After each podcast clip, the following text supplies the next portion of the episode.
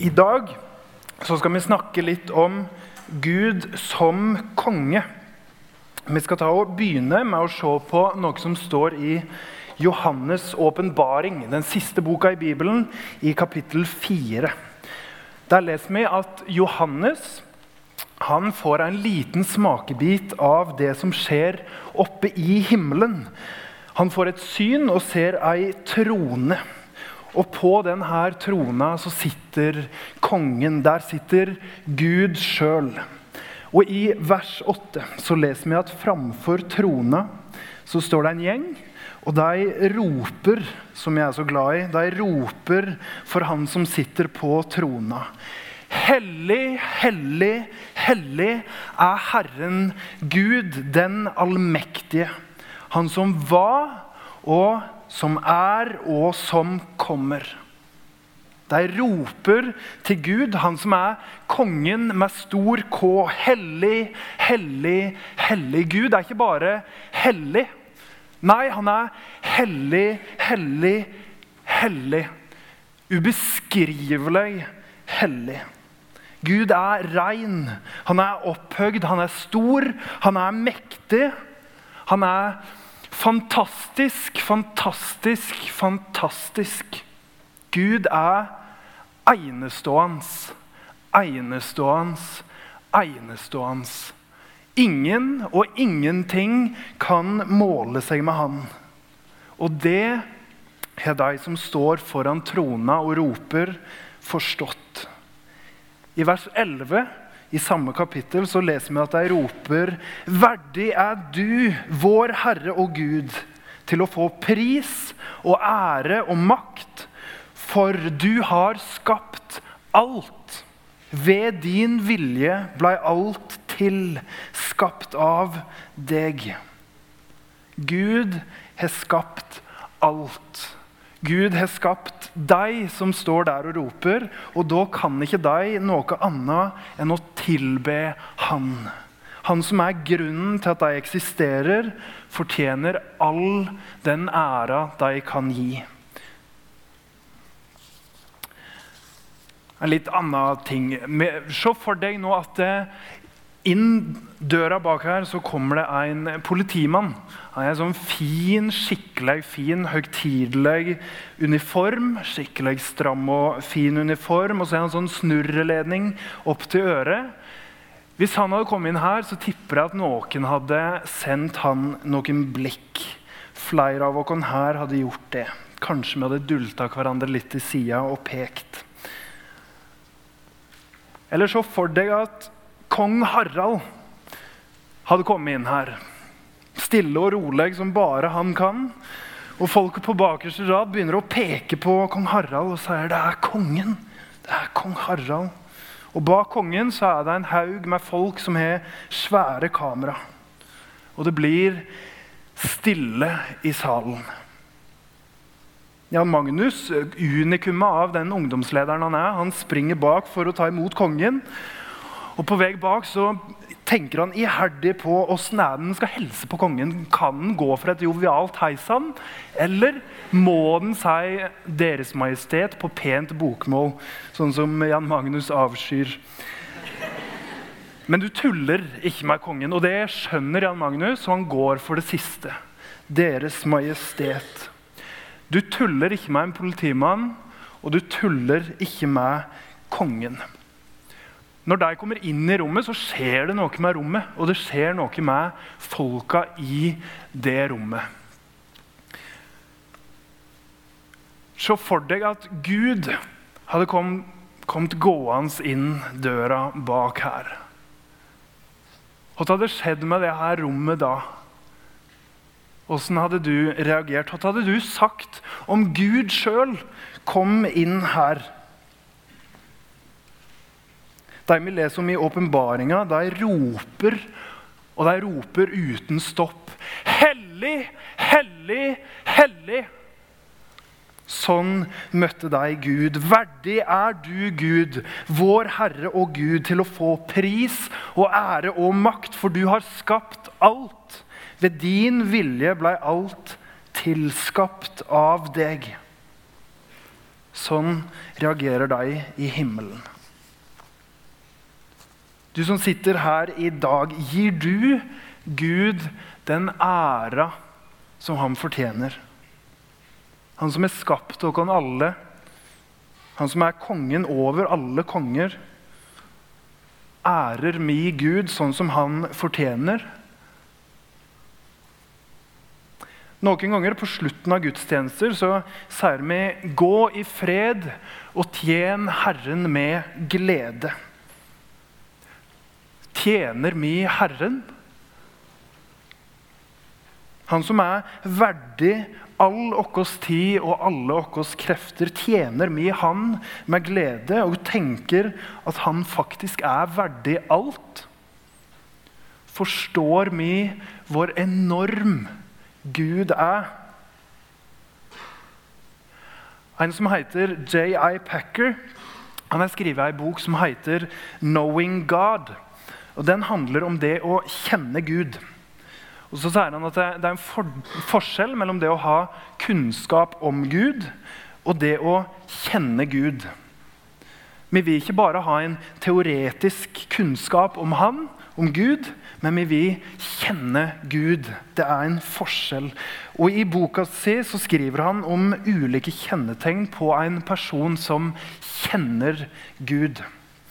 Et kjennetegn på at en kjenner Gud, det er at en har store tanker om Gud. Så tenker vi store tanker om Gud? Når vi lovsynger her i misjonssalen, forstår vi hvem vi synger til? Og når vi ikke lovsynger eller er her i misjonssalen, tenker vi store tanker om han som er kongen over alle konger. Han som er opphavet til alt. Han som er verdt all ære. Et annet kjennetegn som han J.I. Packer nevner på at han kjenner Gud, det er at han har energi for Gud. En person som kjenner Gud, det er en person som reagerer kraftig når Guds vilje ikke blir fulgt, og så gir denne personen noe med det. Når det skjer ting i samfunnet eller i verden som ikke ærer Gud, så gjør den som kjenner Gud, noe med det. Den tar tak. Den bruker sine krefter, sin energi, på det som er etter Guds vilje. Gjør vi det? Bruker vi våre krefter for Gud? For meg så er disse spørsmåla skikkelig ransakende. På en måte så skjønner jeg sånn teoretisk at Gud er konge og fortjener alt. Men når det kommer til om jeg faktisk tenker store tanker om han i hverdagen min, og når det kommer til om jeg bruker og har mye energi for han, da blir spørsmåla litt vanskeligere og skumlere. For Gud, han er kongen. Han fortjener alt vi er, og alt vi gjør. All vår tid og alle våre krefter. Gud er kongen.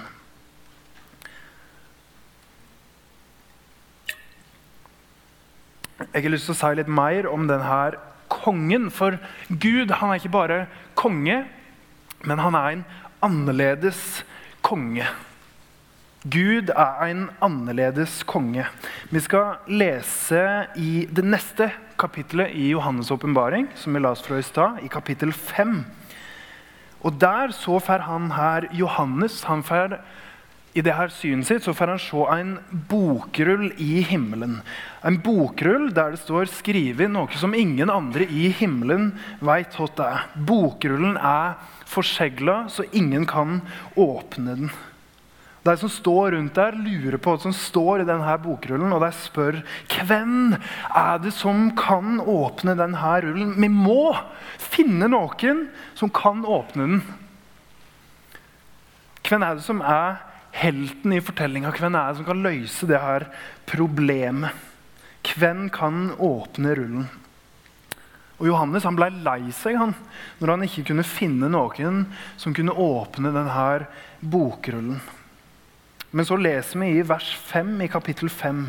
Der sier Johannes.: Men en av de eldste sa til meg, gråt ikke, for, for løva av judastammen, Davids rotskudd, har seira og kan åpne bokrullen med de sju segla. Løva av judastammen, han, han kan åpne bokrullen. Den mektige løva som var Davids rotskudd. Den personen som vi kan lese om i Det gamle testamentet at israelsfolket hadde venta på. Messias. Han som skulle være en del av judastammen og spire fram som et rotskudd opp fra slekta etter David. Den mektige løva. Han hadde seira, og han var mektig nok til å åpne bokrullen. Og det her, som Johannes får høre, at løva av judastammen kan åpne bokrullen, det var ikke noe overraskende. For Johannes og, på, og for jødene på hans tid så var ikke det her noen overraskelse eller noe veldig nytt. At det skulle komme en Messias som var mektig som ei løve, det var ikke noe nytt. F.eks. i Jesaja 11 så kan vi lese om denne mektige Messiasen. Der står det om en ny konge som folket venter på. En mektig konge som skal skape fred. Det står i vers 1 og vers 2. En kvist skal skyte opp fra Isais stubbe, og et skudd skal spire fram fra hans røtter. Herrens ande skal hvile over han, en ande med visdom og forstand. En ande med råd og styrke, en ande som gjev kunnskap og frykt for Herren. Og i fortsettelsen i dette kapitlet så kan vi lese om denne kongen, om Messias, som skulle redde israelsfolket fra deres fiender. Det er han her israelsfolket har venta på. Davids rotskudd. Og Han var en konge som var mektig som ei løve, eller han skulle bli det når han kom. Og han skulle kunne skape fred. Og det er han her Johannes får høre om i dette synet. Israels håp gjennom tusenvis av år. Han er helten i fortellinga. Han kan åpne bokrullen. Men det som er overraskende, det som er annerledes, det er det vi kan vise det vi kan lese i neste vers. For det, det at Messias var som ei løve, det var ikke overraskende. Men vi leser det samme som vi leste i stad, og det neste verset. Men en av de eldste sa til meg, gråt ikke, for løva av judastammen, Davids rotskudd, har seira og kan åpne boka med de sju segla. Og jeg så et lam som sto midt på trone mellom de fire skapningene og i krinsen av de eldste. Og det så ut som lammet var slakta. Det var overraskende. Det var nytt om denne helten og denne løva. Det, det, som er overraskende, er at helten og løva òg er som et lam. Kongen israelsfolket venta på, han kom seg ikke fram og opp til trona med å bruke sverdet og vise styrke. Nei, han fikk makt med å være som et lite lam. Et lam som så slakta ut. Det er overraskende. Det er ingen vanlig konge. Det er en annerledes konge.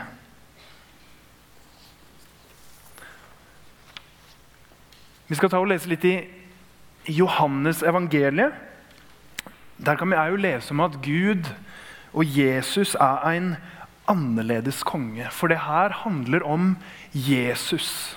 Det er han som er den kongen som er annerledes. Vi skal begynne med å lese i kapittel 1, vers 14 i Johannesevangeliet. Der står det om at Guds sønn blir menneske. Jesus. Det står ordet blei menneske og tok bostad mellom oss. Og vi så hans herlighet en herlighet som den enbårne sønnen har fra sin far, full av nåde og sanning.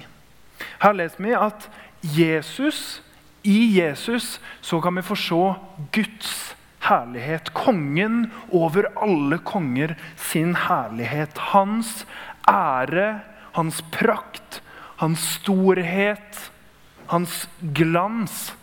I Jesus så kan vi få se Guds fantastiskhet. Da Jesus blei menneske, så viste han menneska Guds herlighet. Menneska fikk et glimt av kongen sjøl.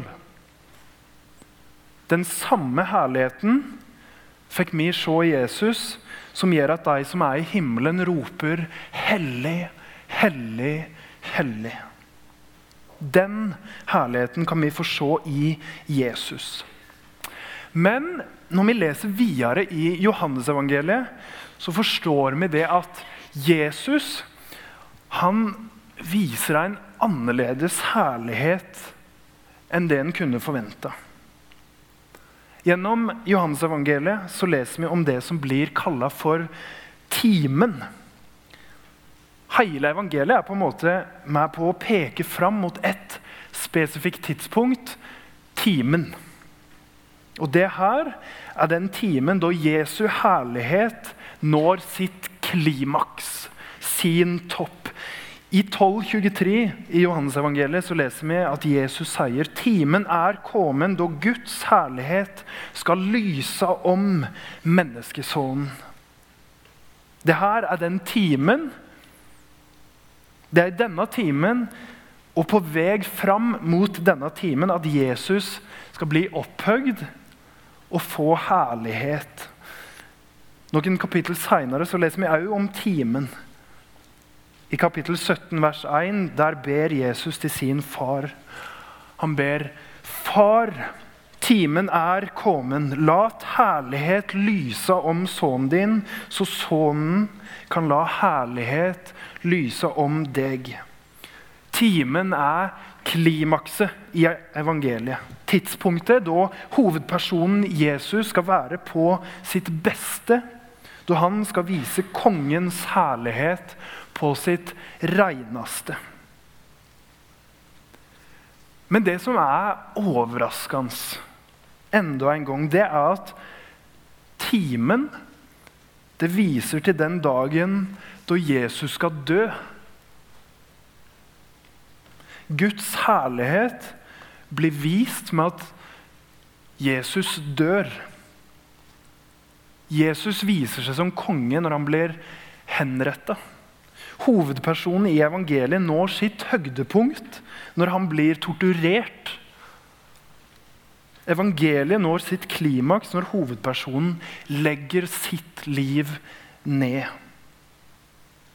Jesu herlighet blir ikke vunnet eller vist gjennom at han kjemper seg fram, men med at han dør på et kors. Jesu opphøyelse det skjer ikke med at han går sterk og stolt fram til trona, men med at han går svak og audmjuk opp til korset. På korset blir Jesus opphøyd. Der viser han seg som, og der blir han konge. Det er ikke typisk konger å gjøre det på den måten. Jesus er en annerledes konge. Han ble ikke opphøyd med å komme med makt og ære som en mektig løve, men med å komme som et lam klart til slakting. Jesus var, og Jesus er, kongen, og han er jødene sin konge. Messias. Og Han er jo kongen i verdenshistoria, og han er helten i det synet Johannes skriver om i åpenbaringa, som vi las i stad. Det er Jesus som er løva, eller lammet, som kan åpne bokrullen. Han er helten, og derfor blir Jesus lovprist i åpenbaringa, kapittel 5, vers 2. Der står det Og hver skapning i himmelen og på jorda og under jorda og på havet, ja, alt som fins der, hører deg seia. Verdig er lammet som ble slakta, verdig til å få all makt og rikdom, visdom og styrke, ære og pris og takk. Jesus, lammet, er en annerledes konge som vant seier, og som ga oss fred med at han ga sitt liv, la ned sitt liv. Gud er en konge som ikke bare lar seg tjene og ære, men Gud han er en konge som tjener andre. Gud har tjent meg, Gud har tjent deg med glede. Og det er utgangspunktet for at vi kan gå i fred og tjene Herren med glede. Fordi Gud er en annerledes konge, så kan vi gjøre det. Siden Gud er konge, så fortjener han alt. Men det er det at han er en annerledes konge, som gjør at vi kan gå i fred. Som gjør at vi kan tjene han, og som gjør at vi kan gjøre det med glede. Det er utgangspunktet, det Jesus gjorde. At han er en annerledes konge. Det er utgangspunktet vårt. Hvorfor kan vi gå i fred? Jo, fordi Jesus, vår konge, han har gitt dere fred. Han har seira. Han har tatt vekk den gjelda vi sto med framfor Gud. Det kan vi lese om i Kolossebrevet, kapittel 2, og vers 14. Skuldbrevet, står det der. Skuldbrevet mot oss sletta han. Det som var skrevet med lovbåd. Han tok det bort fra oss da han nagla det til krossen. Sånn ga Jesus oss fred. Han tok vårt skyldbrev, så vi kunne ha fred med Gud. Og Jesus ga oss fred da han vant de kampene som jødene og vi aldri kunne klare å vinne, men bare Messias kunne vinne. Det står i det neste verset i Kolossebrevet kapittel 2, vers 15. Der står det Han Jesus kledde maktene og åndskreftene nakne og viste deg fram til spott og spe da han viste seg som seierherre over deg på korset. Hvorfor kan vi gå i fred? Jo, fordi Jesus har seira. Tilbake i Johannes' åpenbaring kan vi lese i kapittel 7 og vers 10 der står det Og de ropa med høg røyst. Seieren kjem fra Gud, Han som sitter på trona, og fra lammet. Seieren kommer fra Gud. Lammet har vunnet. Gud har vunnet. Kongen har gitt oss fred. Pga. det Jesus har gjort, så kan vi gå i fred, og så kan vi tjene Han. Da kan vi si 'gå i fred og tjen Herren med glede'. Kan ikke vi gjøre det, vi som sitter her inne nå?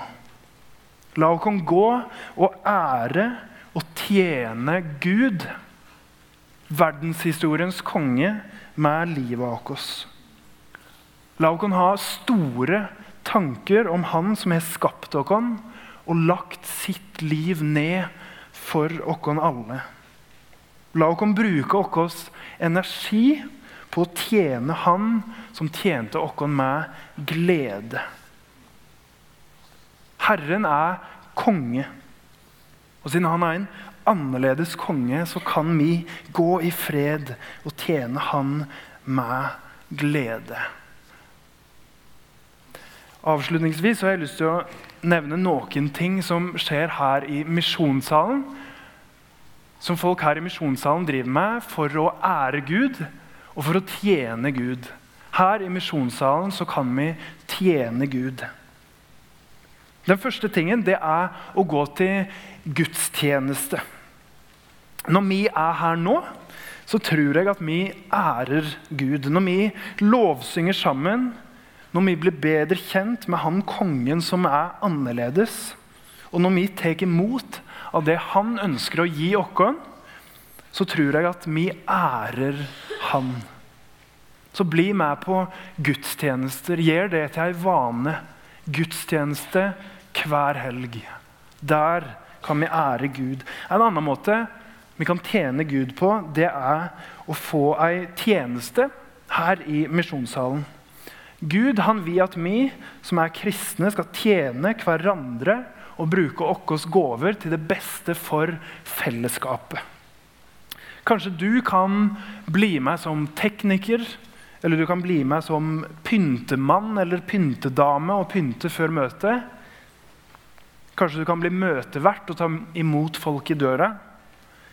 Her i Misjonssalen er det mange ulike tjenester, mange muligheter. Eller kanskje du bare kan, bare kan tenke at når du er på gudstjeneste her, så skal du gjøre minst én ting som tjener andre.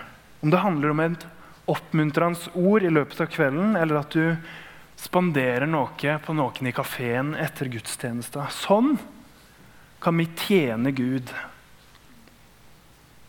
En annen ting, I Bibelen så leser vi om at Jesus sa at vi skal elske andre sånn som vi elsker oss sjøl. Misjonssalen har et samarbeid med noe som heter Sagene frivilligsentral. Og De driver med arbeid for å hjelpe folk som ikke har så mye penger.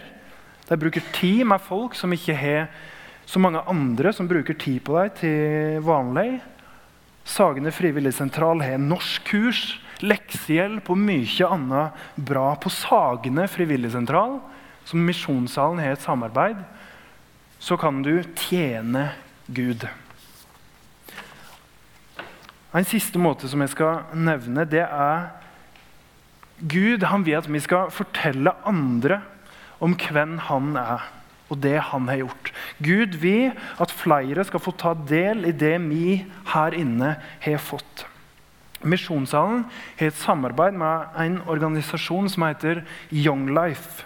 Young Life har arbeid forskjellige plasser her i Oslo der de blir kjent med ungdommer som ellers ikke kommer i kjerka.